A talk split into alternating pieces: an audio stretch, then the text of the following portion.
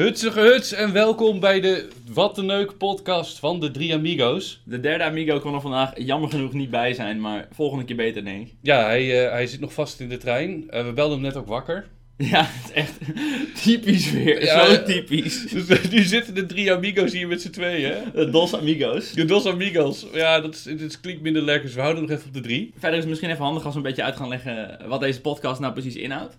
Eh, ja, voornamelijk gewoon niet al te serieus. Gewoon luchtige onderwerpen. Dus eh, vandaag willen we eigenlijk gaan praten over de dood. Ja, we gaan direct de eerste aflevering praten over het einde eigenlijk. Over het einde. En dan eh, kan van vier eigenlijk alleen maar beter worden. Ja, of, of nog slechter, maar dat, dan, dat zou een prestatie zijn. En trouwens, de, die amigos die je vandaag hebt, waar je het mee moet gaan doen, zijn Rick Broers en ben ik zelf, Bardo Islands. Dus eh, het, het idee is dus dat we elke week, neemt een van ons een onderwerpje mee. Deze week heb jij gekozen, Mhm. volgende week kies ik. En hopelijk zijn we dan met z'n drieën. Ehm, want jij hebt dus deze week gekozen voor de dood. Jij bent niet bang voor de dood. Nou, wel ik van, vind het heel jammer. En eh, ik denk dat het moment dat ik dood ga... Ik heb een paar keer gehad dat ik opeens... Ik, ik had een tijdje heel erg... Ik ben even het woord... Hypochondrie. Zeg maar dat je heel erg het gevoel hebt alsof, wat, alsof je ziek bent bijvoorbeeld. Ja. Dus ik had een paar keer dat ik hele erg hartkloppingen kreeg. Dat ik in bed lag en denk... Krijg ik nou een hartstilstand? Ga ik nu dood? Mhm. En eerlijk gezegd, op dat moment... Als ik, had ik er redelijk snel een soort van rust mee of zo. Van, ah, oké, nou... Het zal wel. it is what it is. Maar waarom zou je het jammer vinden? Nou, ik kan niet meer leven. Ik vind het leven in principe wel leuk. Het is niet alsof ik dood wil, dus... Ja, in dat opzicht is het het einde van iets wat ik wel tof vind. Ja, het is niet zozeer... Het is een beetje alsof je in de Efteling bent. Op een gegeven moment roepen ze om, je moet een park uit. En je zegt van, ja, godverdomme. Ik wou nog in de droomvlucht, lul. dat is best een mooi metafoor, ja. Ik wou nog een ritje maken. Ja. Dus in dat opzicht zou ik het heel jammer vinden. Ik had dus eerst wel een tijdje dat ik een soort van bang was dat ik dan, wat ik dan achter zou laten. Ik had een beetje het idee dat als ik dood wil, dat ik dan een soort legacy wilde. Een cool standbeeld ergens, of iets, iets ontdekt hebben. Of iets daadwerkelijk tofs gemaakt hebben op het internet. Toen op een gegeven moment zat ik daar een beetje met te kutten van, ja, Mm. lukt niet. Hè? Hoe zet je daadwerkelijk iets tofs neer? Geen idee. En toen dacht ik, ah joh, als ik dood ga en ik laat wat tofs achter, heb ik er vrij weinig aan. want Ik ben toch dood. True. Je kan het zelf niet meemaken. Ik ken, ken je de musical Hamilton of niet? Gaan we, Ja, ja, nee, gaan we twee minuten over musicals hebben? Ja, sorry. Ik, daar, is hij, daar gaat het namelijk ook heel erg over de dood. En hij zegt, a legacy is planting seeds in the garden that you never get to see. Ja, het is Dus- precies dat, ja. Je plant zaadjes in de tuin en dan ga je dood. En je gaat nooit zien wat de zaadjes, wat voor bloemen het worden. En dat is je nalatenschap op aarde eigenlijk. Dus ja, als we een beetje gaan praten over die standbeelden die nu eh, weggehaald worden. Ja. Ik denk dat het eh, de zeerovers vrij weinig boeit dat hun standbeeld weggehaald wordt. ja, wat, wat zou jij ervan vinden als ze over 300 jaar zeggen... Ja, Rick, die had zijn haren geverfd en het kan eigenlijk niet. Dus dat standbeeld moet weg. ja, ik ben dood. Succes ermee, ja. Ik wens je heel veel succes mee. ja. De enige die er echt last van zullen hebben... dat zijn de mensen die nu leven. Ja, maar, zeg maar er zijn vrij weinig mensen die... Heb jij er last van als we nu een standbeeld weghalen? Van mij wel. Als je, als Ja, jouw standbeeld. Ja, Ik oké. bedoel, Ik heb een standbeeld hier in Deventer op de brink van mezelf.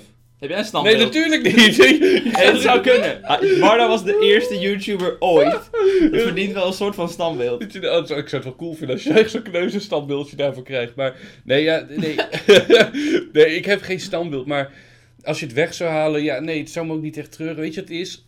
Vroeger was het zo, had je geen internet. En om mensen voor te laten leven, eh, maakte je een standbeeld ervoor. Zodat mensen altijd Ja, kunnen herinneren, ja. En nu, mensen worden ook al herinnerd via het internet. Hè? Dus via internet, als je Bardo Ellis tikt, vind je me wel. Dus haal dat standbeeld maar weg. Dat zal mijn nalatenschap niet zijn. Ik vind dat juist wel ook iets interessants. Dus dat eigenlijk internet wordt op een gegeven moment een soort lijkenstapel. Als in, Hmm. over 100 jaar komen we gewoon op het punt dat meer dan de helft van de Facebook-accounts van dode mensen zijn. Ja.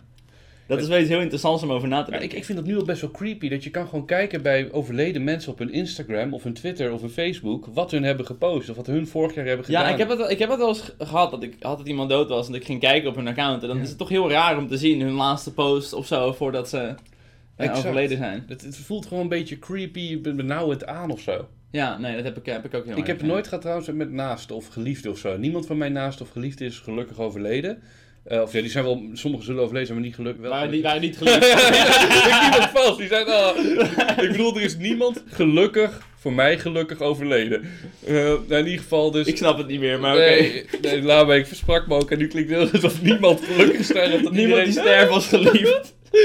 Iedereen was in pijn en verdriet. Nee. Maar ik heb dus niet een, een, iemand in mijn naaste cirkel van vrienden, familie. eh, ja, ik heb wel, trouwens wel Jermaine. Jermaine van de YouTubers. Ken je hem goed? Ja, hem ken ik wel goed. Ik was ook op zijn begrafenis. En ehm, ik heb ook met zijn ouders toen nog gepraat. Ik weet nog, zijn vader is toen nog naar de Dutch YouTube Gathering gekomen. Dat hij er nooit bij was geweest. Oh, wauw. Vind ik wel Dus- mooi. Ja, dat was heel mooi. Het- er zit ook een hele anekdote, heel verhaal achter Jermaine nog. eh, wat volgens mij nog altijd niet naar buiten is gekomen. Maar het is wel prachtig om dat te zien. En het is raar om nu met terugwerkende kracht door zijn YouTube-kanaal te scrollen. En dat je dan in één keer een, gewoon een stop ziet. Je ziet abrupt een stop op zijn YouTube-kanaal, ook op zijn Instagram. Ja. Ik bedoel, zijn foto's nu van zeven jaar of acht jaar ge- geleden. Volgens mij was het 2012 dat het gebeurde. Maar dan kan je gewoon nu dus kijken naar iemand die acht jaar geleden dagelijks iets post op Instagram. Als we het dan hebben over, over nalatenschap, ben ik wel benieuwd, blijft dat voor altijd bestaan? Zeg maar, op een gegeven moment gaan ze dan zeggen, ah, onze servers zitten vol met te veel foto's.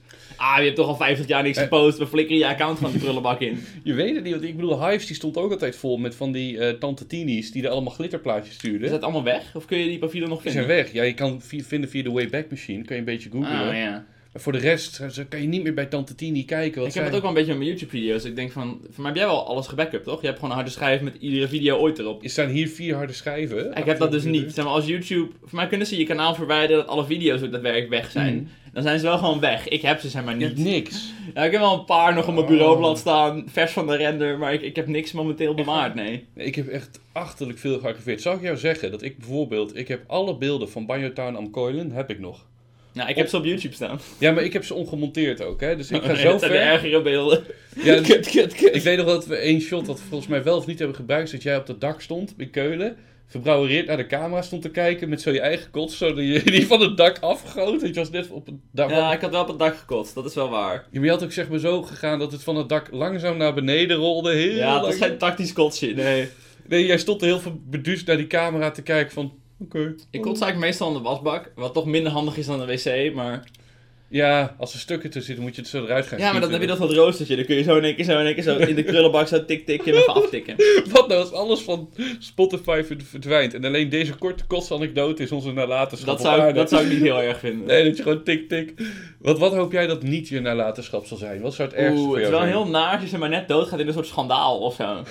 ja. Ja, bijvoorbeeld zo'n zo'n ehm, eh, murder-suicide ding. Je schiet je vrouw en kinderen dood en dan jezelf. Dan wordt het wel meteen... Dan wordt je hele leven ook zo'n hele zure vlek natuurlijk. Ja, maar dat is... Je bent alsnog dood, dat scheelt. Eh, dus je hebt persoonlijk niet zoveel last van. Maar Mhm. iedereen gaat je wel meteen herdenken. Gecombineerd aan die ene hele, ku- ene hele kutte ding wat je Ja, gedaan hebt. Ik, ik zat bijvoorbeeld jou te denken erg van, stel nou dat, dat poep in de soep viral gaat op je laatste dag. Dat zou heel jammer zijn. Ja, dan ga je dan je laatste adem en dan weet je, oh, ik word onthouden voor poep in de soep.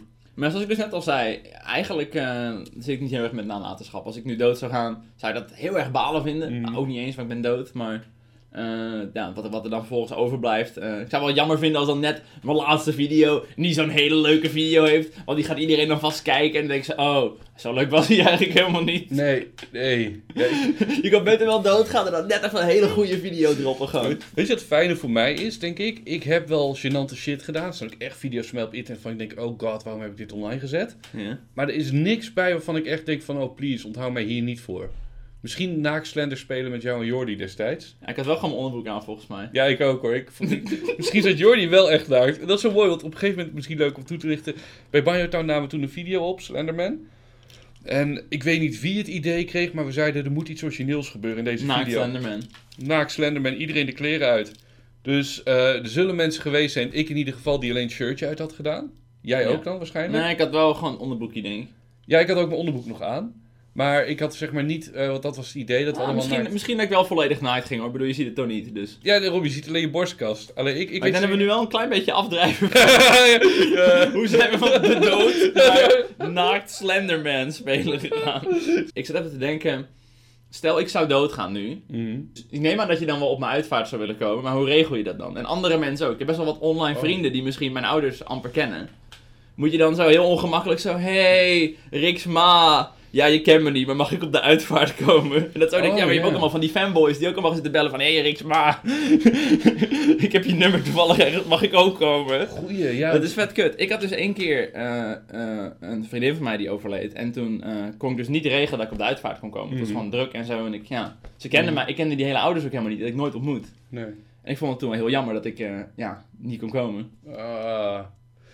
Ja, je weet ook, ja, jezus. Weet je wat het was? Ik weet toen Jermaine overleed bijvoorbeeld, een beetje in dezelfde strekking als wat jij nu zegt. Hoe heb je toen geregeld dat je daar kon komen? Heb Dat je was- ook echt contact met zijn ouders opgenomen van, hé, hey, mag ik daarheen? Of hadden Nee, die jou dat was- uitgenodigd? Er was volgens mij een rouwadvertentie en als YouTubers hebben wij toen samen overlegd en gezegd van wij gaan toch als creatieve community achter David Create Jermaine als een geniaal, geniale vent.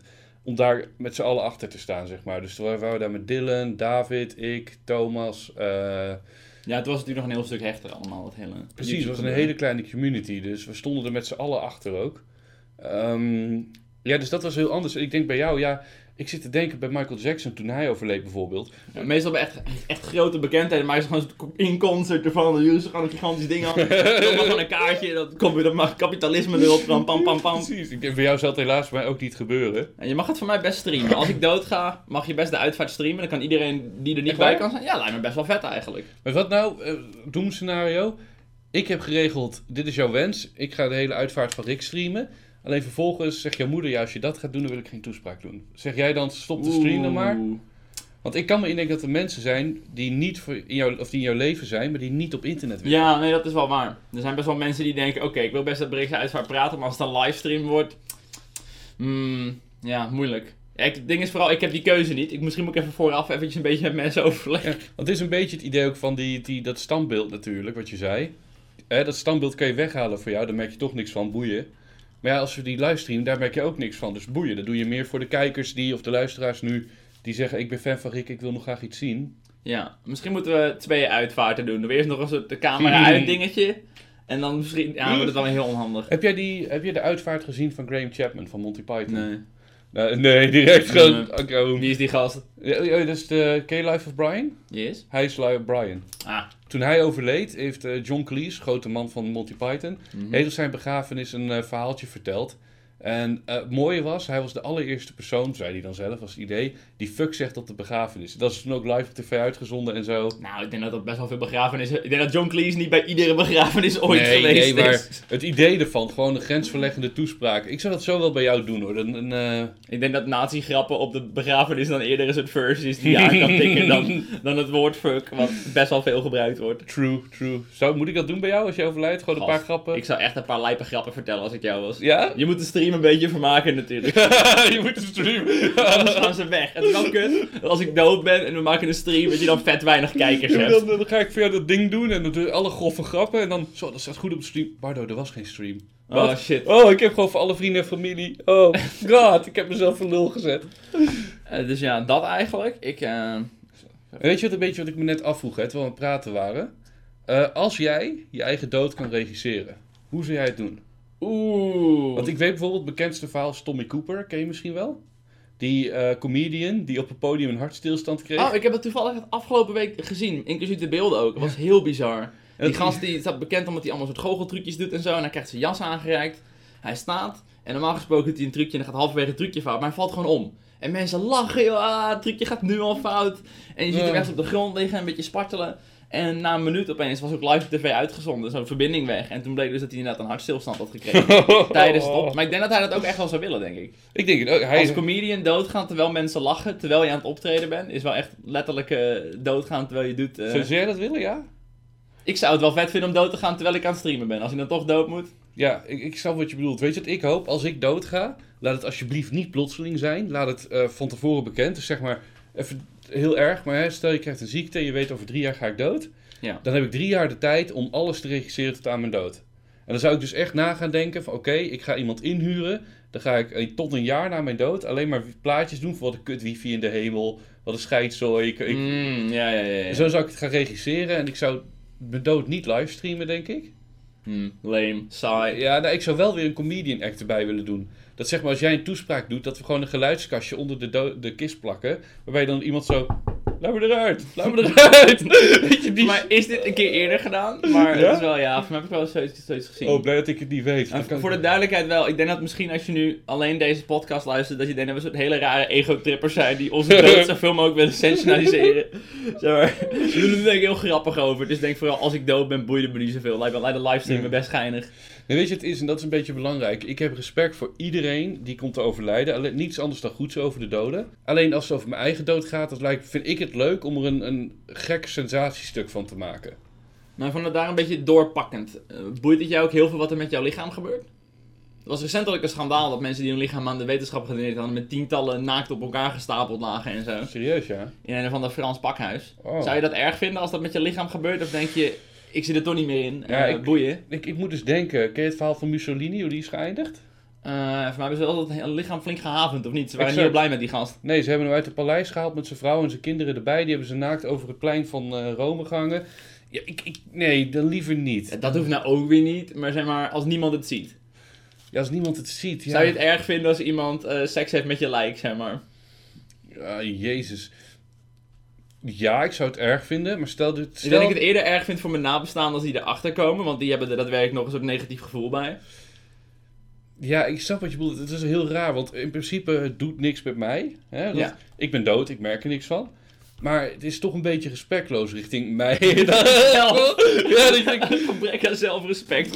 Weet je wat het is? Om- omdat ik er niks van merk. Stel, ik heb vrouw en kinderen, die laat ik na, ik ben dood. En eh, er wordt een ton geboden om een lichaam te neuken. Ja, laat, doe het maar dan, voor hun.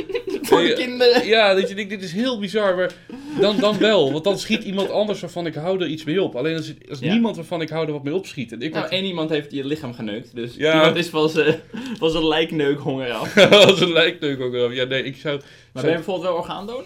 Eh, nee, niet dat ik weet. Ik moet Dan ben je orgaandonor. Oh, ben ik wel. Dankzij Helemaal D66 geloof ik. Alhoewel, misschien gaat dat nog, is dat nog niet helemaal ingegaan, maar... Volgens mij ook nog net niet. Ik vind dat een heel fijn systeem. Dat de mensen zoals Bardo en ik, die in principe wel ons organen willen geven, maar je bent gewoon te lui om het eh, Mhm. in te stellen, dat het dan gewoon voor je geautomatiseerd wordt. Exact. Ik zou het best wel kut vinden als ik doodga. En... Je zou het ook niet erg vinden als ze je huid bijvoorbeeld eh, als orgaan zeg maar, van je nodig hebben voor huidtransplantatie. Nee, nee, totaal niet. Nee. Dat je zeg maar zo als compleet zonder huid. Het is wel een beetje creepy zie je er dan uit weet, hoor. weet je wat het is? Of je nou religieus bent of niet. eh, als ik dan heel spiritueel... Het meest spirituele waarop ik mijn lichaam kan bekijken... is gewoon, je bent een geest gevangen in dit karkas van je lichaam. Hè, dus mijn ogen die spreken het meest namens de geest. Bij jou ook, bij iedereen is dat. En eh, mijn lichaam is niet de geest. Dat zie ik echt los van elkaar. Ja. Dus als de geest maar niet beschadigd wordt, maar die is dan al dood, die is er al uit. Dus Ah. dan mag je doen met het lichaam wat je wil. Je zou het ook wel grappig vinden. Dat doen ze ook wel eens. Dan gaan ze explosies nabootsen. Zetten ze een paar lijken Mhm. in zo'n klein huisje en zetten er een bom in. Dat zou je niet per se erg vinden bijvoorbeeld. Eh, ja, Daar leren ze weer dingen van. Hè? Er wordt er kennis verworven uit jouw... eh, als we het op kunnen nemen voor een livestream zou het wel leuk zijn. Dat je, Dat is maar het einde van de livestream ontploft op mijn kist. Stukjes lichaam overal. en dat was het, serpentjes. Tot volgende keer. Boom! En, ehm, Ik denk, wow. Vind je dan ook dat jouw, jouw uitvaart big budget zou moeten zijn? Dat denk je familie, Nee. bespaar gewoon iedere eurocent die je kan. Eh, ik ben toch dood, jij hebt er niet zoveel aan. Nou ja, Aan de andere kant is het natuurlijk ook een soort vehikel voor je familie om het te verwerken. Dus dat moet er wel nog steeds bestaan. om de dood. Maar je hoeft geen dure kist Je waarschijnlijk. moet niet voor nooit vergeten, de, de begrafenissen zijn er alleen voor degenen die leven. Niet Ja. voor degenen die zijn overleden. En eh, ik zou heel graag, stel eh, ik ga dood, hè, want ik zag jouw video laatst waarin je vertelde van ja, ik wil niet doodgaan met twee ton op mijn bankrekening. Ja, ik zei, je moet doodgaan met schulden. Dat is gewoon geniaal, daar kunnen we zo nog op terugkomen. Precies. eh, want, en dat geldt ook voor mij in principe. Ik denk, als ik 10.000 euro op de 20.000 euro op de rekening heb terwijl ik doodga, beras het allemaal lekker in die. In die uitvaart. Maar als er 0 euro op de rekening staat, alsjeblieft steek niet per se je eigen geld erin. Ah, maar stel, er staat 20.000 op, kunnen we ook gewoon 5.000 daarin hebben. Ook als, als nabestaande ook nog 15.000 euro. Ja, flikker op. maak er een mooi feestje van. Weet je, maak, Maak, het dan maar wel gewoon op. precies, maak er één goede herinnering van. De, huur dan drie zaaltjes extra, huur die gewoon lekker af. En dan laat het Banjo Legioen daar voor jou de serpentjes eh de rond, Ja, nee, ik zou dat ook weer niet per se doen. Ja, je, je krijgt als kijker de livestream, maar ik ga niet allemaal geld opmaken zodat je op mijn uitvaart kan komen en een plakje cake kan chappen. Dat, Het eh, enige, enige wat ik wel zou willen trouwens, is als die leiders van de Feed Awards dan nog komen met een Oeuvre Award voor mij, alsjeblieft gooi die eerst in de crematiebak en daarna mij.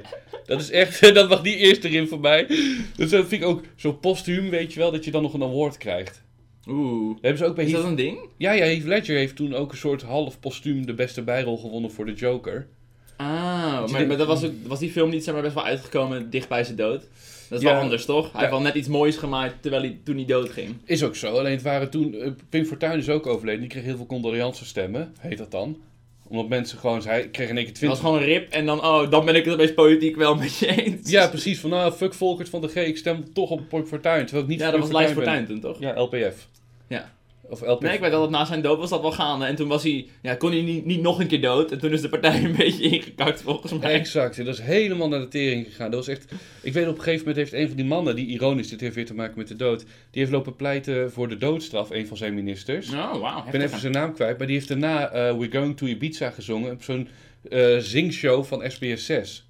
Eh, Wat heeft dit met elkaar te maken? ja, ik moest eraan denken, omdat je gewoon, dat geeft aan dat als je iets opbouwt, à la de LPF, en de partij gaat dood, binnen die partijen, iedereen wou de macht grijpen. Ja. Er kwamen ministers uit, die waren gewoon buschauffeurs, die nooit in de politiek hadden gemoeten. Maar die binnen een maand in de politiek komen hun in één keer als een minister ergens te staan, blullen wat over de doodstraf, wat heel heftig is. En eindigen hun carrière dan in een muziekshow van SBS 6. dat je denkt, wow, dit is- dit is een hele rare cirkel die je bent afgegaan, fijne vriend. Ja, nee, dat is wel waar. Laten we een beetje verder pakken op, eh, op je nalatenschap. Je, je hebt geen testament, neem ik aan. Nee, niet, eh, niet per se. Nee, ik ook niet. Ik ben wel benieuwd. Ik heb nu dan zeg maar nog wel daadwerkelijk een beetje geld op mijn bank. Dan ben ik wel benieuwd naar wie gaat dit. Ik gok niet naar mijn vriendin. Aangezien we zijn geen daadwerkelijk wettelijk partner. Of mijn moeder moet Nee. zeggen, hé, hey, je was echt drie jaar bij deze gast die ik al 25 jaar ken. Hier neem jij het geld maar. Dat, Ja. eh, zou, dat, zo- ontstaan wel familieruzies, eh, zeg Ja, maar. Leuk. Nou, een vriend van mij die heeft dus een testament. En die heeft mij daadwerkelijk erin opgenomen. Voor mij heb ik iets van 2, 3 procent van zijn geld krijg ik dan. Echt waar. Maar ik geloof dat het belangrijkste was dat zijn moeder dan niks krijgt. Wie, wie zou de grootste verrassing zijn in jouw testament? Is er iemand waarvan jij zegt, die zou de mensen niet aanzien komen? Dat wordt er eentje, jongen. Hmm. Want als ik nu... Bijvoorbeeld, neem, neem, weet je, ik zou misschien in het testament opnemen dat mijn aandelen van Banjotown, het YouTube-kanaal Banjotown, onderverdeeld kunnen worden over jou, Jordi en Vincent. Als in dat, dat, sorry, dat, wij, de, dat wij de krijgen dan. Ja, ja, en desnoods gewoon de aandelen van het kanaal. Als je ooit zegt, ik wil iets doen met Banjotown, dan kan het Je verder. gaat verkopen aan een kanaal. Je, heb je toch van die kanalen die kopen een YouTube kanaal met veel abonnees. Dan gooien ze gewoon alle video's eraf, ander logootje erop en dan Mhm. boem. Heb je in één keer al een beginnetje, zeg maar. Dat, je- dat ga ik doen met jouw kanaal. dat, Dat is jouw dat wordt nalatenschap. Ja, want dat Drie tientjes krijg Wat, ik wat ervoor. gaat er gebeuren met Servant Gameplay? Die wordt jouw laatste adem nu? Wat, wat ga je doen? ligt gewoon stil, denk ik. En niemand kan er ook in, weet je. Ik weet niet, kan je Google bellen met, yo, hij is dood, ja, eh, ik ben zijn moeder, mag ik de inloggegevens Ja. hebben? Ik weet niet, kan dat? Weet niet, heb jij ook niet iemand, eh wat vroeger was bijvoorbeeld altijd, eh, dat mij vrij bekend was ook in eh How I Met Your Mother, dat mensen een hele grote koffer met porno-videobanden onder het bed verstopten en dan vertel, vertel je dat aan één iemand, zodat hij wist dat die koffer weg moest. Heb jij niet één iemand in je leven die alle wachtwoorden weet en de dingen... Nee, nee, nee, nee, nee, nee. nee. Oh ja, ik, ik, ik denk dat Dennis... jij dat wel dan? Dennis weet geloof ik. Oh ja, nee, het is niet bedoeling dat mensen nu Dennis op gaan zoeken. Pak Dennis, pak hem! maar hij weet wel redelijk wat wachtwoorden geloof ik. Ik weet niet of hij weet van mijn Instagram en YouTube, maar... Hij heeft ook je telefoon nodig, dan moet hij die weer inloggen voor de two-step verification. Dus het wordt toch wel weer... eh. Ja, weet je, de droomscenario's denk ik zijn voor dat Banjo. Dennis gewoon eerst doodgaat. hij is dat we samen in hetzelfde ongeluk doodgaan. Kut. Nee, maar dat is van het geheime ketchup recept of zo. Oh nee, oh shit. eh, ik denk het beste scenario wat je erop na kan laten voor mij... is eh, dat ik een zoontje heb die ook iets gaat doen op YouTube. Of een dochtertje van mij, part, I don't care. Vooruit, dat mag. Vooruit dan maar vrouwen. Al zou het een hond zijn. I don't nee, maar weet je, weet je dat het kanaal dat je het over kan dragen aan iemand. Dat je zegt... Hè, dat, Dat is mooi, maar dan zitten je subscribers ook niet op te wachten. Die willen gewoon Bardo. Wie is, wie is deze, wie is deze etter? Ja, precies. Dat is een beetje het idee van Jaden Smith bij Will Smith. Weet. Ja, je weet je, denkt, misschien, misschien is het beter als je dood bent en dat het gewoon stopt. En dat niet iemand anders het voor jou kan verneuken of beter kan maken. Ja, ja, niet dat de dochters van René van Koten en de Bie, eh, dat die verder gaan. Dat die verder gaan. Het hoeft niet, weet je wel. Het is gewoon klaar. Ja. Begin maar lekker onder je eigen naam. Eh, Je hebt de achternaam al. Veel succes ermee. ja, dat is ook weer waar. Zou jij het ook niet toestaan als jouw zoon later zegt... Pap, als jij dood bent wil ik graag op Serpent Gameplay verder? Zou je Dan dan... zeg ik, maak je eigen YouTube kanaal, pik. Ja? Maak Serpent Gameplay 2 of zo. Of Serpent Gameplay Mini. Super Gameplay Mini, mini serpentje, ja. Het is ook niet zo als je, als je slagerij hebt... En iemand zegt, hey pap, mag ik de slagerij als je dood bent? En dat die vader zegt, nee, begin je eigen slagerij. Nee, dat is waar. Dat Dus- is waar. En Serpent Gameplay, een banjo Maar zeg maar, dit is, in het creatiefs werkt het denk ik wat anders. Een slagerij is gewoon een fysieke plek waar je heen gaat en daar koop je worst. Alleen, eh, ik vind het sowieso, ik ben heel erg bijvoorbeeld principieel tegen gastrollen, wat vroeger heel erg op YouTube een ding was. Ach ja. Zo'n kanaal zoals Banjo Town, weet je wel, dat je dan zelf een kanaal hebt en dat andere mensen op je... Ik, ik, ik kan het Oh, gewoon dat niet is hebben. zo, ik ja. vind het niet chill als andere mensen video's op mijn kanaal gaan maken, want ik heb er geen zeggenschap in. Ja, tenzij in een community kanaal. Want ik vond bij Banjo vond ik het juist heel erg leuk. Dat mensen op een gegeven moment weten, oké... eh, op... Ja, maar dan heb je wel nog een kleine community, zeg maar. Je hebt ook wel een kanaal die uploaden gewoon iedere week een video van iemand anders. Ja. Dat was vroeger ook met dagelijkse D en DDG zo. Hè, Ja, je gewoon gastrollen. Dat was Ja. fucking chill. Je kon geld verdienen over andermans video's. En het was een goede deal, want die andere persoon krijgt dan exposure. Die krijgt extra kijkertjes erbij. Heb je eigenlijk ooit gasrollen gedaan? Ik heb één keer een gastrol gedaan voor, van een paar vrienden van mij. Die gingen een Barbie game spelen op mijn kanaal. Echt waar, ja? Maar alsnog, het zijn ook, ja... Als ik video's van mijn kanaal moet verwijderen, is dat de eerste die ik keer af eh bonjour, Ja? zeg maar. Oh, wat goed. Dat wist ik niet eens Ik vind gewoon het concept, je, mensen abonneren voor jou en dan... Mensen gaan niet naar de slager omdat de slager zo'n topgozer is. Hij heeft lekkere worst, weet je wel. Ja, precies. En mensen gaan naar jouw kanaal omdat ze weten wie jij bent. Ja, ze willen je worst. Ja, meestal, ze willen niet mijn worst. oh, wat bizar. Goed, ja. Eh, verder was ik wel benieuwd, een beetje de cliché vraag, maar zou je je sterfdatum willen weten? Gewoon exact. Minuut, seconde. Nee, nee, nee, nee. Denk het niet. Ik nee. denk dat je er helemaal gek van wordt. Ja. Maar aan de andere kant, als je weet dat het zo, wat zo kut is, je hebt van die mensen die, eh, ik probeer bijvoorbeeld steeds minder te roken, want ik denk, ja, straks word ik op een gegeven moment oud en dan ga ik dood aan longkanker, lijkt me zo balen. Ja. Aan de andere kant, als ik weet dat ik toch over een paar jaar dood ga, dan weet ik ook dat ik dat soort dingen wel kan doen. Dat soort dingen zijn helemaal niet meer belangrijk als je toch vroeg doodgaat. Ja. Boe- wat boeit gezond eten als je toch eh, een verkeersongeluk krijgt? Het zou toch mooi zijn, stel hè, dat je nu dus stop je met roken voor een jaar, dan krijg, kom je achter dat je sterfdatum is, dus over twee Dan jaar. begin je gewoon weer. Dan wordt het roken en dan blijkt dus, oh, je hebt weer gerookt, je hebt longkanker nu. Oh nee, shit, dat was... dus toch. Oh, dus zie je, dan krijg je zo'n paradox, dat je denkt, nee, ik, ik zou het niet willen weten, omdat ik gewoon helemaal gek word en alleen maar zou denken aan die ene dag waarop ik zou overlijden. Nou, maar je had het bijvoorbeeld ook over net dat je, dat je heel erg ziek werd en dat je weet dat je niet zo lang meer hebt. Ja, dat is, dat is wel, ja... mm, Ik wil ook nog een beetje daarover praten. Over, eh, ik ben dan dus mensen verloren eigenlijk op beide manieren. Mijn vader is heel spontaan overleden, dus een Mm. verkeersongeluk in één keer. Maar ik heb ook familieleden gehad die dus kanker kregen. En dan kom je in zo'n jaar lang traject met chemo. En op een gegeven moment Mm. weet je, oké, het is niet meer behandelbaar. Het is heel anders rouw ook, zeg maar. Ik weet niet wat, welk van de twee dan, ja, tussen aanhalingstekens fijner zou moeten zijn. Weet je wat het direct bij me opkomt, is... Het liefste zie ik iemand nog dat ik weet, het is het afscheid. Je kunt Alleen- wel mooi afscheid nemen, dat is wel een voordeel. Het rottig is, die mensen moeten zo'n leidersweg afleggen. Die Ja. moeten zo'n tering weg. En ik, ik, ik wil niet namens jouw vader praten of wat dan ook, maar als er iets gebeurt, hè, stel je loopt op straat en dan valt de piano op je hoofd. Nou, super origineel concept, maar dan is het in één keer zwart. Is het Ja. klaar? Het rottige is dat ik misschien ruzie heb gehad met die persoon of dat ik zei, hey pik, ik zie je later. En dat dat het einde dan is, weet je wel. Dat is, ja, in beide zit iets... De ene vind ik alleen heel egoïstisch voor mezelf, omdat ik kan zeggen, jij moet de leidersweg afleggen, want ik wil nog maar afscheid kunnen nemen. Ja, nee, dat is ook wel weer maar. Nee, ik, moet, ik, ik, ik merkte vooral dat als mensen zeg maar, zo langzaam weggaan, dat ik het, het rouwen wel heel eh, anders is. Eerst krijg je het idee dat ze ziek zijn. Dat is niet per se meteen een shock, want misschien komt het nog goed. Mhm, Maar je hebt wel meteen in je hoofd het idee van, ja, het kan niet goed komen. mhm, En dan krijg je al langzamerhand steeds meer slecht nieuws. mhm. Dus ik, ik merk dan dat je hebt niet echt die hele grote klap van verdriet in één keer van, oh, het is klaar. Nee, nee. Dus dat zijn allemaal soort kleine doseringen. Ja, want hoe is de, de hele persoonlijke vraag die ik ga stellen, hoe is dat voor jou met je vader? Want die is echt uitgegeven. Dat, dat lijkt mij het allerheftigste dat kan gebeuren. Ja, dat was ook extreem heftig. Ja. En we hadden het natuurlijk over Instagram van, van dode mensen. Ik heb dat wel eens op mijn eigen Instagram te kijken. Mhm. Je kan zeg maar precies het moment zien dat mijn vader overleed. Want ik heb toen een hoop foto's van mij en mijn vader gepost. En ik vond het een beetje heel naar om zeg maar, de paar foto's daarvoor te zien.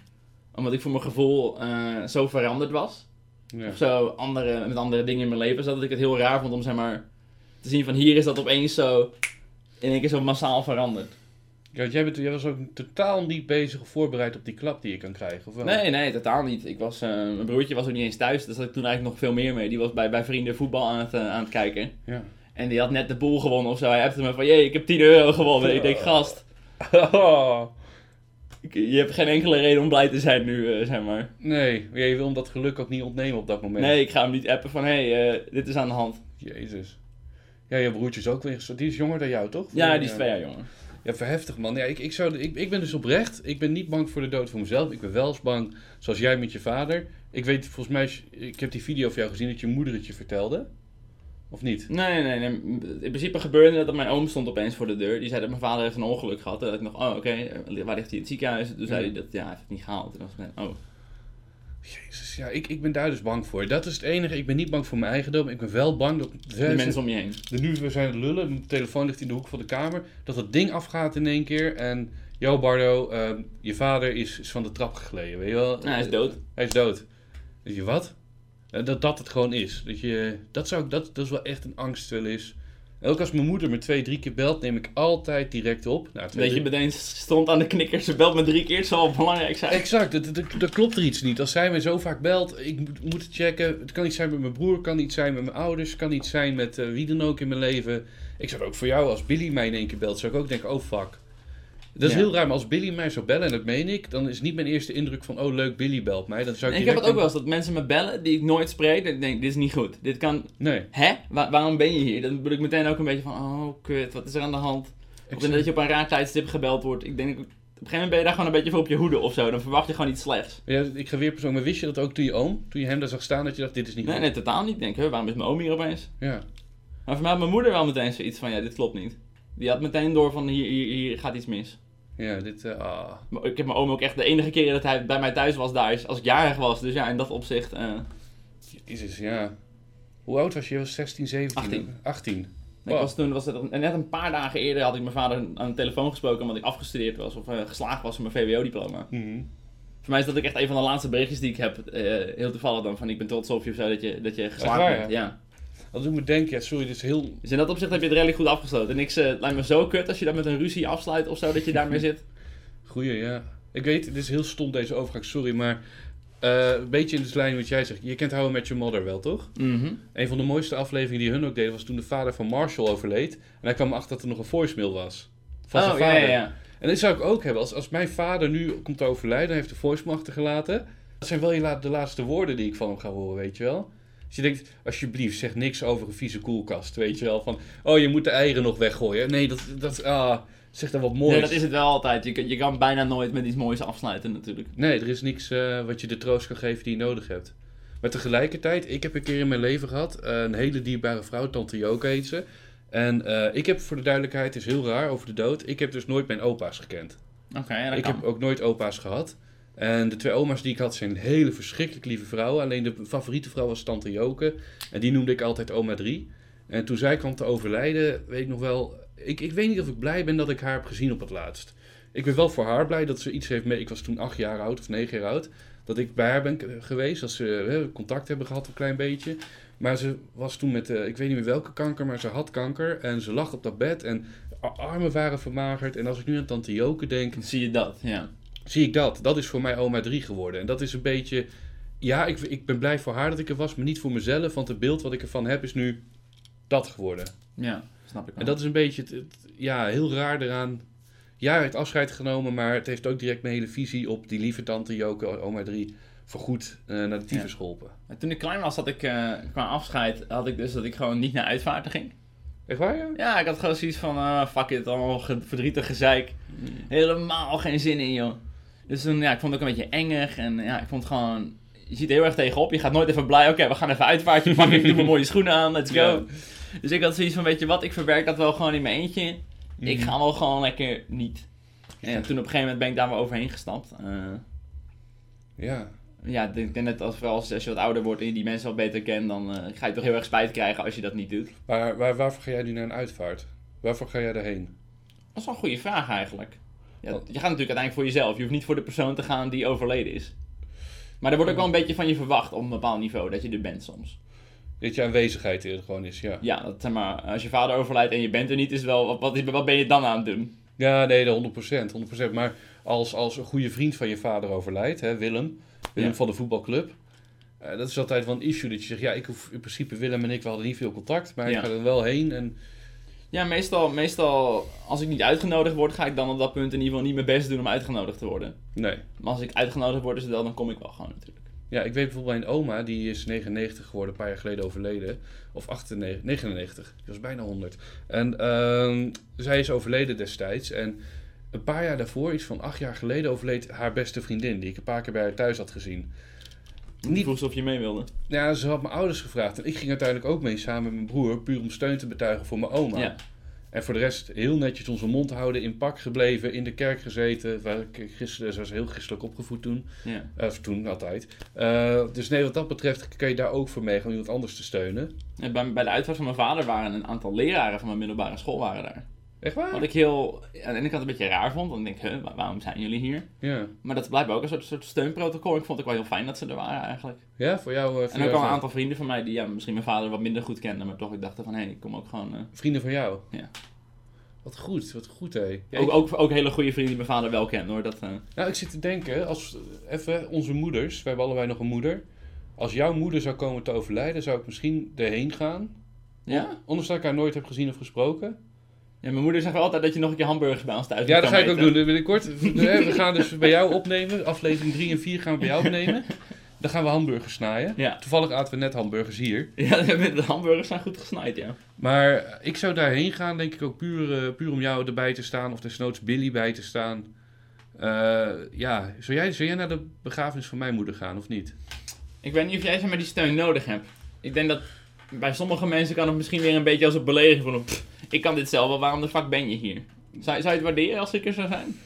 Dat is heel raar irritant aan mij. Ik zou het wel waarderen. Ik zou het alleen niet te snel laten blijken. Dat weet je geloof ik wel van mij. En dan loop ik er gewoon ongemakkelijk bij. Zie je een beetje boos. nou, ik ben helemaal hierheen gekomen, gast. ik had ook thuis kunnen blijven, hè. Ik had ook gewoon wat anders kunnen doen op Weet je, dag. weet je wat mijn moeder dus wil op haar begrafenis? Dit is serieus, dat heb ik afgesproken. Ik heb nu met jou dingen afgesproken dat ik grove moppen ga vertellen, 100%. Doe maar wel je speech een beetje op het einde dan. ja, ja, nou ja. Kunnen we nog een beetje serieus openen. Godsamme zeg, ja. Mijn moeder, die was dus, ehm, dus serieus. Die wil op haar begrafenis, heeft ze een paar dingen.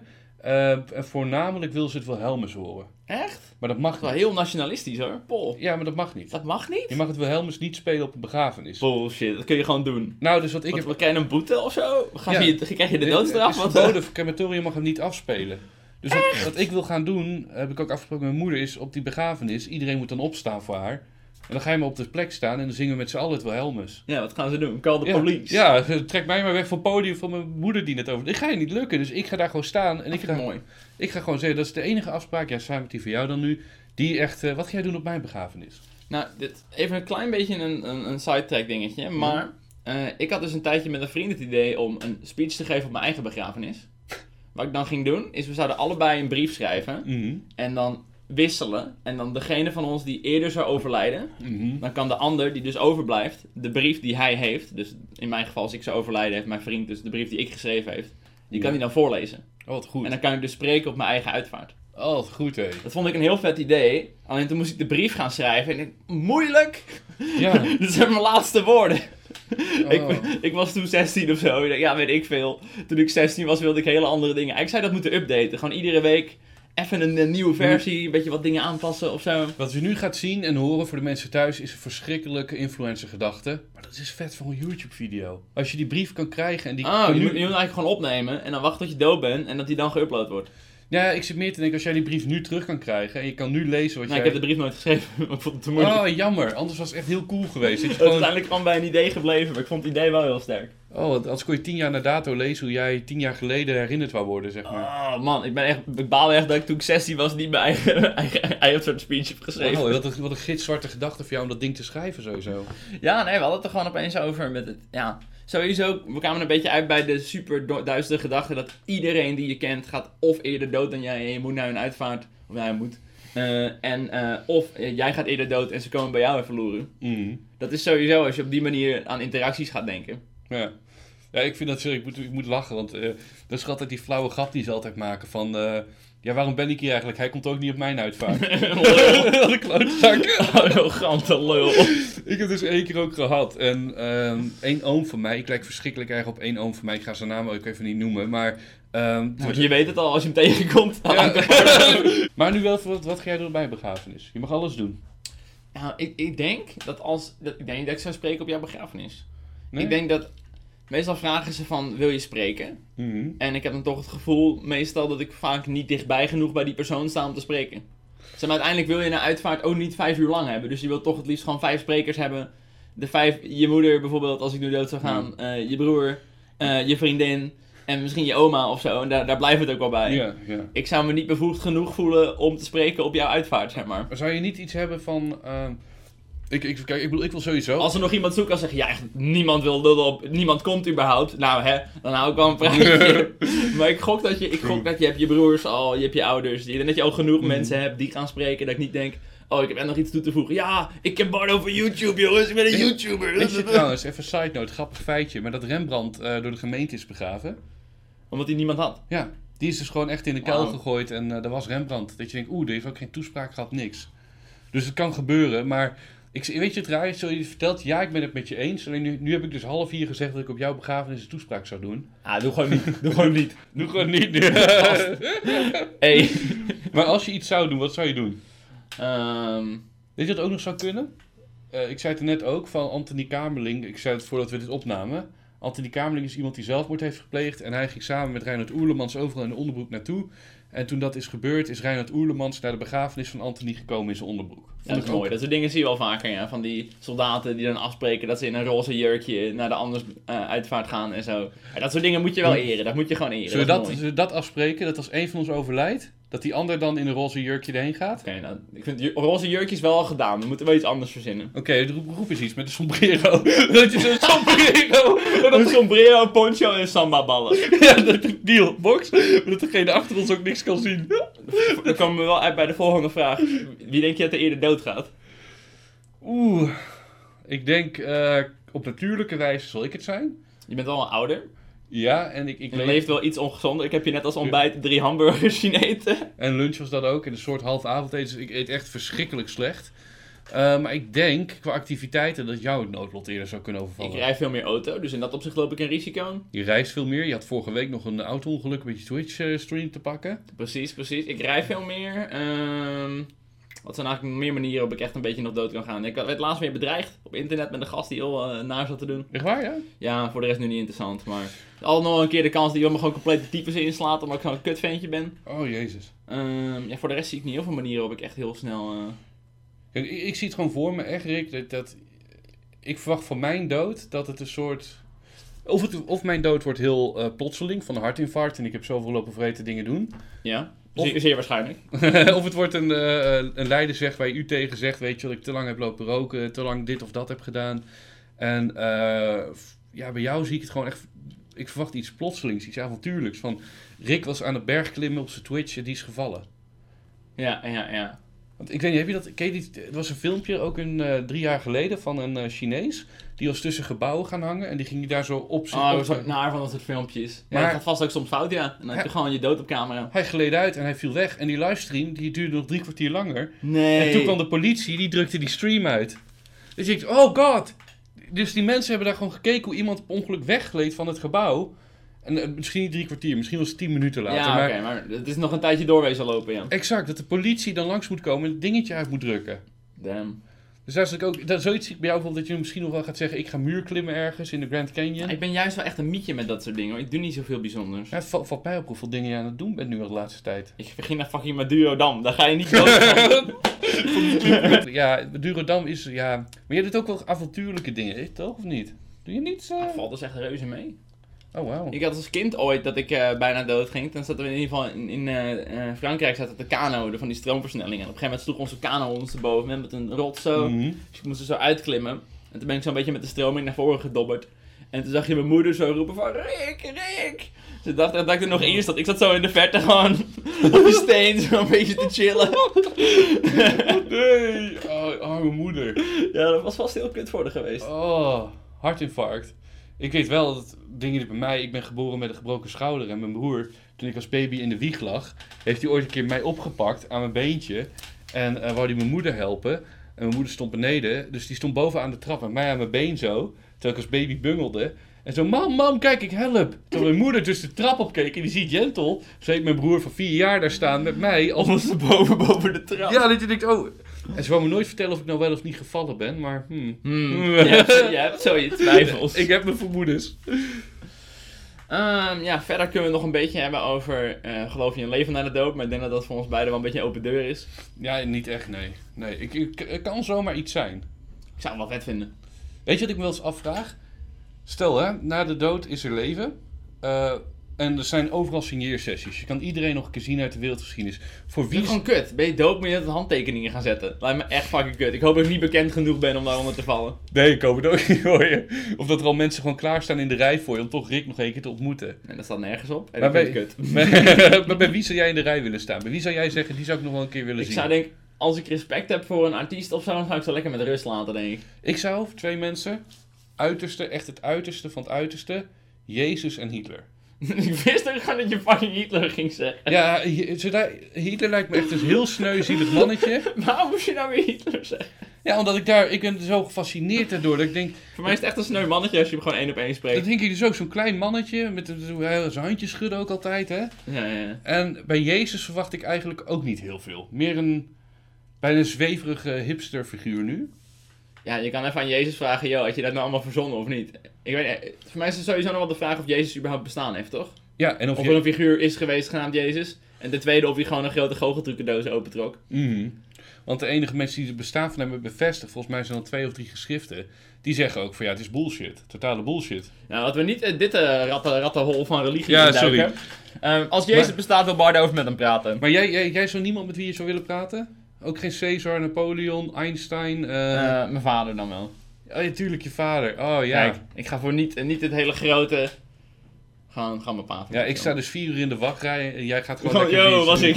ik ben er. Ik vind, ja, dat is wel veel mooier. Waarom, zei, waarom, waarom kom jij met het goede antwoord? Ik, ik, had, Jezus en Hitler. ik had oma 3 moeten zeggen, tante Joke. Ik heb er zo mooi over gepraat. En Ik denk dat je meer te bespreken hebt met oma 3 dan met Hitler. het is gewoon meer, die twee zijn nieuwsgierigheden. Dat ik denk, is, is, hoe zielig is Hitler? Dat is met name de vraag. Nou, En, kan je, eh, maar je- is dat echt wat je nou echt wil weten van alles? nee, ja, er zijn veel betere dingen die ik Nou, wel vragen in het leven. hey Hitler, hoe zielig ben je? Ja, niet. Maar, jij- Wat verwacht je van het gesprek? maar jij zegt gewoon ook, hè, als je doodgaat, alles op zwart en eh, stekker eruit en dat was hem ook. Ja, ja. Ja, ik, ik ben het wel met je eens. Ik verwacht ook niet... eh, Zoals Stephen Hawking heel mooi zei: Leven na de dood is een sprookje voor mensen die bang zijn voor de dood. Oeh, mooi. Dat is een hele goeie. En nu Stephen Hawking zelf, eh, Hij is zelf wel een begrip, ja. een big rip, ripperoni. Hij deed soms wel eens als eh, eh, mensen een soort stekker ergens eruit trokken, dat hij dan deed alsof hij dood ging. Dat hij zo. dat heeft hij wel eens gedaan. Echt waar, ja. Ja, en het schijnt dat hij wel eens over de voeten heen reed van mensen die hij irritant vond. Dan Oh. rijdt hij gewoon over je voeten heen. Wat goed. Oh, wat goed. Ja, ik, heb, eh, ding- ik heb toen, ik keek zo'n Monty Python special. En daar kwam hij ook in één keer in voorbij. Dat ik dacht, wat cool. Dat hij zoveel zelfspot heeft om daaraan mee te doen. Ja, dat is vet. En het lijkt me ook heel raar voor hem, want toen hij nog leefde is die film opgenomen, The Theory of Everything. Ja, Met eh, Eddie Redmayne. ja, ja. Hele vette film. Hele goede film. Alleen, hij is op die set geweest. Hoe raar zou het zijn, want we hadden het net over nalatenschap, als jij eh, op je eigen filmset loopt. Zeg maar de Serpent film. Ja, een film over je leven. Dat je Ik zou denkt, het echt, oh, echt een kuttitel vinden, de Serpent film, maar... ja, de Serpent film. Wat denk jij, wat, wat wordt een van de beste scènes in die film? Van de Serpent film? Serpent film. Ik, ik krijg Banjo de Movie gelukkig. Ik vind het een hele moeilijke vraag. Dan word je zo, zeg maar, wat ik altijd zo kut vind, ik ga het nu ook bij jou doen. Wat is het beste moment uit je leven? Ja, dat weet ik wel. Ik, ik denk, er zijn momenten in mijn leven geweest, eh, dat is heel kut van mij, waarop ik alles wat je me nu vraagt, wat is gelukkig, hoe ben je gelukkig, dan geen zorg om geld, zonnetje, vriendinnetje, gezonde familie, alles eromheen.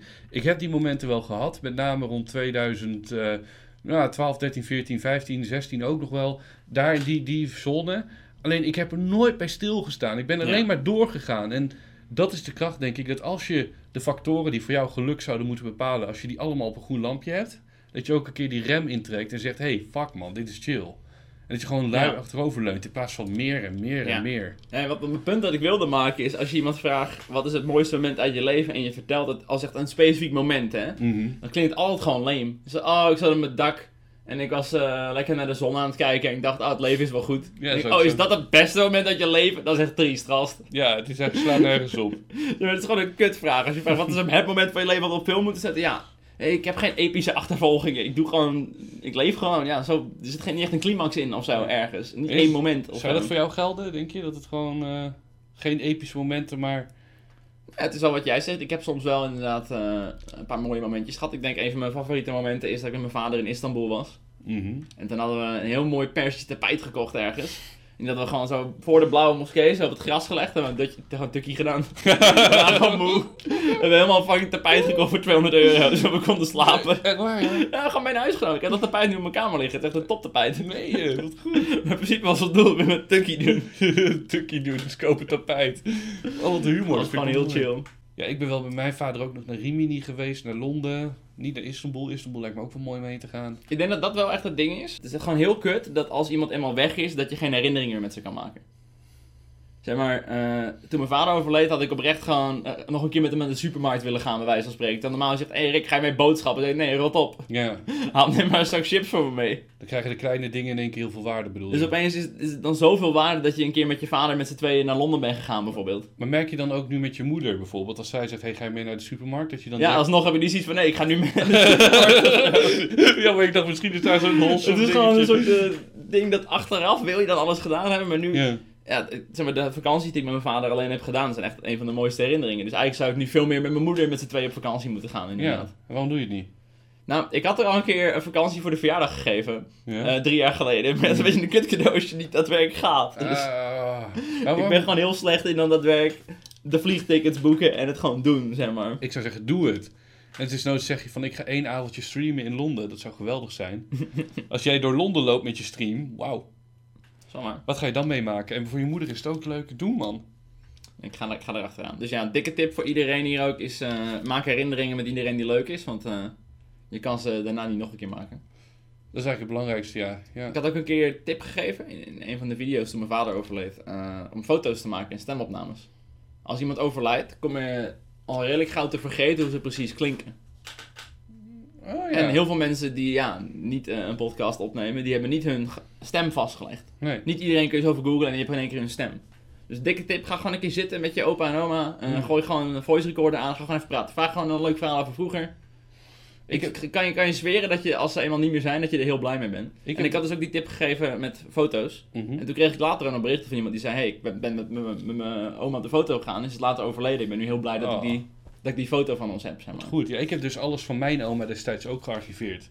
Ik was al... Dat is dan nog op je harde schijven, zeg maar. Ja, ja, hier ergens zit het tussen. Dus als, je, als ik hè, morgen doodval, dan komt iemand daar een ding tegen. En zegt, holy fuck, heeft hij zoveel. Want mijn oma kreeg op haar 96ste huidkanker. Heeft ze overwonnen. Champ. Ja, dus daarom vanaf haar 96 toen dacht ik, oké, nu moet ik wel echt eigenlijk dingen gaan vastleggen. Dus toen ze overleed, had ik echt mega veel shit ervan. Alleen, als ik me afvraag, terwijl we dit bespreken. ehm, hoe, sta jij erin? Want ik, ik besef me ook eigenlijk meer, meer... Jij hebt echt, echt iets meegemaakt wat je niet mee wil maken. Met echt diep leed wat dichtbij komt. Nou, hoe ik er ook aan denk is, iedereen moet er een keer aan gelopen, toch? In principe hoort een kind niet eerder dood te gaan dan, dan zijn er ouders. True. true. Dus in principe zie ik het ook wel weer op een bepaalde manier als, ja, ik heb gewoon alvast één zerenpleister eraf getrokken. mooi, mooi gezegd, ja. Ja, het, het zal uiteindelijk gewoon een keer moeten gebeuren. Het is heel kut. Ik, kan me dat, ik denk dat het verlies van een ouder ongeveer wat het zwaarste is wat je Ja. mee kan maken. Of het verlies van je partner, dat lijkt me ook zo kut. Als je op een gegeven moment een vrouwtje hebt en je bent getrouwd en je doet alles samen. En dan is die weg, ja. Ik heb, ik heb dat heel erg met mijn opa en oma. Mijn opa en oma zijn echt toppers. Maar ik weet gewoon, op een gegeven moment gaat of mijn opa of mijn oma dood. En die ander gaat het gewoon zo zwaar hebben daarmee. Die gaat echt gewoon een stuk van geluk. Van, Van je verdriet. moeders kant of je vaders Van kant? mijn moeders kant. Oké. Eh, ik heb net zoals, ik heb van mijn vaders kant heb ik eh, zijn vader nooit gekend. Nee. Dus die oma was altijd al eh, alleen. Maar ik, ik, ik, ik- denk dat ik daar zo kapot van zou gaan. Als of mijn opa of mijn oma doodgaat. Maar niet eens helemaal alleen voor mezelf. Maar ook meer voor opa of oma die alleen achterblijft. Ja, Zeg maar maar. ja, ja, ik had dus... Die, ze doen echt alles samen zo'n beetje. Weet je wat het fijne was? Ja, ik snap wat je bedoelt. In die, die context is dat verschrikkelijk. om je, je- misschien is dat nog wel zwaarder dan jou dus kwijtraken. Om je soulmate zeg maar, kwijt te raken. Ja, in principe ja. Maar je ziet ook heel vaak dat ze dan snel achter elkaar gaan. En dat als je je partner kwijtraakt, dat je dan heel vaak heel snel daarna zelf ook overlijdt. Het hangt er een beetje vanaf van de afhankelijkheid die je hebt, denk ik ook. Hè? Want als jij eh soulmates zoals je opa en oma, die zijn heel afhankelijk van elkaar. Nou, voor mij is het echt gewoon door, door het verdriet dat je hebt, dat je daardoor ook... Het schijnt dus dat er zijn bijvoorbeeld als ouderen een plantje hebben om voor te zorgen dat ze dan ouder worden. Of een huisdier. dat puur, je hebt iets om voor te leven of zo. En ik denk op het moment dat je Ja. dat dus verliest, dat je lichaam ook om een of andere reden gewoon sneller opgeeft of zo. True. Ja, en ik zit te denken ook even, want eh, toen mijn oma overleed bijvoorbeeld, hè, een paar jaar geleden. Maar die op- opa was toen al buiten beeld. Dus Ja, al heel ver. Die was in de jaren 80 overleden. En die oma overleed in Ja, 2007. je oma is natuurlijk wel gewoon heel oud geworden. Ja, die is 98. Ze heeft huidkanker overwonnen. Ze heeft echt alles op aarde. Die moet nagaan. En die heeft dus gewoon de Eerste Wereldoorlog net niet meegemaakt. Maar de volledige. Tweede Wereldoorlog, Koude Oorlog, Vietnamoorlog. Wauw, ja. Ze heeft alles meegemaakt, maar niks mee van meegekregen. En nee, dat zijn altijd spotten tegen haar. Maar eh, eh, Wat ehm, gebeurde er in de Tweede Wereldoorlog over? Ja, ik ging naar school of zo. ja, precies, zo'n gevoel had je erbij. Het was een verschrikkelijk lieve vrouw. Alleen, ze hield, altijd, zich, hield, ze hield zich altijd staande. En op een gegeven moment, als ze 98 is, haar man is al 40 jaar dood. eh, ze heeft huidkanker een paar jaar geleden erover gewonnen. Toen dachten we ook, ja, het is ook goed. Weet je wel? Ja. Dan, ik zou het veel erger vinden als bijvoorbeeld mijn oma overlijdt op haar 60ste of zo. Ja, ja, Want- natuurlijk. Dat is, het- dat is het kutste hoor, dat je je hele leven gewerkt hebt bijvoorbeeld. Ja. En je dan met pensioen gaat, dat je dan twee jaar later de pijp uitgaat. En nu begint het keihard te chillen en, dan, en dan ben je gewoon klaar. Dus daar eh, gaat het doek op zwart. Maar wat, wanneer zou jij het gevoel hebben dat je klaar bent dan? Zeg maar, wat, wat moet je bereikt hebben voordat je denkt, oké, nu kan ik wel vredig sterven of zo? Ja, het kuttige is, toen ik begon aan mijn hele YouTube-avontuur, zei ik, ik wil een boek, een film en een tv-programma. Ah, je mag dood. Ja, ik heb ze Nee, allemaal. En dat is ook, ik heb heel moeilijk, ik, ik zoek nu nog altijd naar nieuwe motivatie. Misschien iets in het Je, je hebt een doelstelling nodig. Ja, een late night talkshow, iets in het theater of, of een, mijn eigen film regisseren. Nee, podcast helpt niet, is te makkelijk. Die kun je gewoon Nee, maken. Dat dit- is gewoon bereikbaar. Je zet gewoon een microfoon op tafel, Ja, opname aan en je bent er gewoon. Je legt gewoon een aardappel op tafel, je bent er al. Ja, dit is, dit is geen enkele manier op bestatie wat we hier Dit is gewoon, we zitten op een stoel en we praten. Geef ze applaus, en Nou, dat is toch altijd waarom mensen tv zoveel hoger hebben zitten dan YouTube. Want iedereen kan gewoon een YouTube-video maken, maar niet iedereen kan morgen op tv zijn natuurlijk. Dan moet je toch de mensen kennen en Nou, moet kunnen of zo. Ik wil één ding aan toevoegen, maar het is een hele andere discussie die we willen opgaan. Het fijne is denk ik voor mensen op YouTube nu dat dingen als TikTok bestaan. Want op TikTok is een view helemaal waardeloos. Ja. En door de waardeloosheid van TikTok is de view van YouTube een soort gestegen in Echt? waarde. Die worden ook meegerekend bij Stichting Kijkonderzoek nu, hè? De views op YouTube. Ah, En wat ik belachelijk vind, want een kijker op tv is meer waard dan een view op YouTube. in mijn nou, opinion. dat wil ik niet altijd zeggen. Wij hebben vaak zo dat tv gewoon aanstaan op de achtergrond en niemand kijkt ernaar. Terwijl een YouTube-video kijk je een stuk actiever. Ja, heb je ook weer een punt. Maar dit komt een andere discussie. Hele andere discussie. Oh, ik had nog maar één punt wat ik interessant vond. Oh ja? Ehm, ik zit heel erg met wat de kans is dat je doodgaat aan iets wat nog te redden valt. Bijvoorbeeld een hartstilstand. Ja. Bij een hartstilstand wil je dat er moet zo snel mogelijk iemand bij zijn. Er moet 112 gebeld worden. Er moet een ambulance bij. Het lijkt me zo kut als ik dat dan heb. Maar dan ben ik alleen. Dat ik zo, Mm. Help, help. Maar er is niemand. Dus eigenlijk moet ik gewoon vanaf een bepaalde leeftijd altijd iemand bij me hebben. Ja, oh. Die een ambulance... Nou, mijn oma die heeft dus nu zo'n dingetje. Ze heeft dus zo'n apparaat dat als zij bijvoorbeeld valt en ze kan niet opstaan. Dan heb je ook vaak van die ouderen die vallen en drie, drie dagen lang maar, in hun huis zitten en niemand kan ze helpen. Ze Hmm. heeft een soort apparaat, dan druk je op de knoppie en dan wordt meteen de alarmcentrale Oh, gebeld. serieus? Wat goed. Maar ik weet nog niet in hoeverre dat bij een hartaanval werkt. Of je daar nog de tijd voor hebt of dat je ook in één keer weg bent. Natuurlijk wel, het hartaanval. Ik heb dus oprecht, wat jij ook zei, zo'n hypochondrie bijna, dat je op je bed ligt, hartkloppingen voelt, denk ik, ga dood. Ik heb het wel eens gelopen googlen. Het begint toch met steken in je linkerarm. Maar ik, ik, ik had dan bijvoorbeeld toen ik dacht, ik ga dood. Ik ging niet, ik ging niet 112 bellen of zo. Toen, toen ik oprecht dacht, voor mij ga ik nu dood, was het nog niet mijn reactie om 112 te bellen. Dus misschien heb ik dan zo'n hartding en dan denk ik, ja, straks komt de ambulance helemaal, dan is het voor niks. ja. Vet lullig, dan druk ik wel niet, dan ga ik dood. dat is ook super lullig. En bijvoorbeeld mijn tante, die had een tijdje geleden heeft die een hersenbloeding gehad. Hmm. Maar toen was het toevallig met vriendinnen aan het kaarten. Ze kwam op een gegeven moment binnen en ze kwam van, van de wc en ze zei, ja, kunnen jullie wat harder praten? Ik hoor jullie niet. En toen bleven ze harder praten en toen bleek gewoon dat de hele gehoor gewoon wegviel. En toen is ze zo plop zo op de grond gevallen. Nee. En ik denk, oh. je hebt zoveel geluk dat je op dat moment met mensen om je heen bent. Mijn moeder heeft een soort gelijk iets meegemaakt. Hè. Die was in de stad in Deventer, de oude V&D. En eh, die hoorde daar als het ware een rotje knappen. En dat was gewoon in de hoofd. In de hoofd. Gewoon paf. Oh. En er was een slagader die is gegaan. En zij liep dus de winkel uit, de V&D. Is 100 meter door de winkelstraat van Deventer gelopen. Maar ze wist wel dat het in de hoofd was op dat moment. Of Nou, ze dacht gewoon, wat was dat geluid? Ze dacht, oh, er valt een vaas of zo. Er is iemand achter mij in de V&D iets op de grond gaan flikkeren. En toen is ze omgevallen of zo. Ja, ze was dus net op tijd, kon ze nog een schoenenwinkel rechts in. Dus zij was dus echt in de stad gelukkig van Deventer, waardoor ze daar gered kon worden. Precies dat. Je hebt zoveel geluk dat je op dat moment in de stad bent. Precies. En ironisch nu ik erover nadenk, misschien was dat wat jij had met jouw vader, was dat wel mijn moment. Dat, eh, hè, ik werd ook in één keer opgehaald door mijn tante en mijn oom. Je moeder ligt in het ziekenhuis met een is Ja. het, hersenbloeding dan? Eh, ja, een, variant van de hersenbloeding. In principe hoort ze die niet te overleven, maar die heeft ze overleefd. En Het heel is gewoon puur het geluk dat mensen er zo gigantisch snel bij zijn. Exact, dat zij zelf nog die winkel, de schoenenwinkel, hey, sorry jongens, kunnen jullie misschien an- eh, pof, viel ze neer. Later heeft mijn vader nog een bloemetje naar die mensen gebracht. Ja, terecht.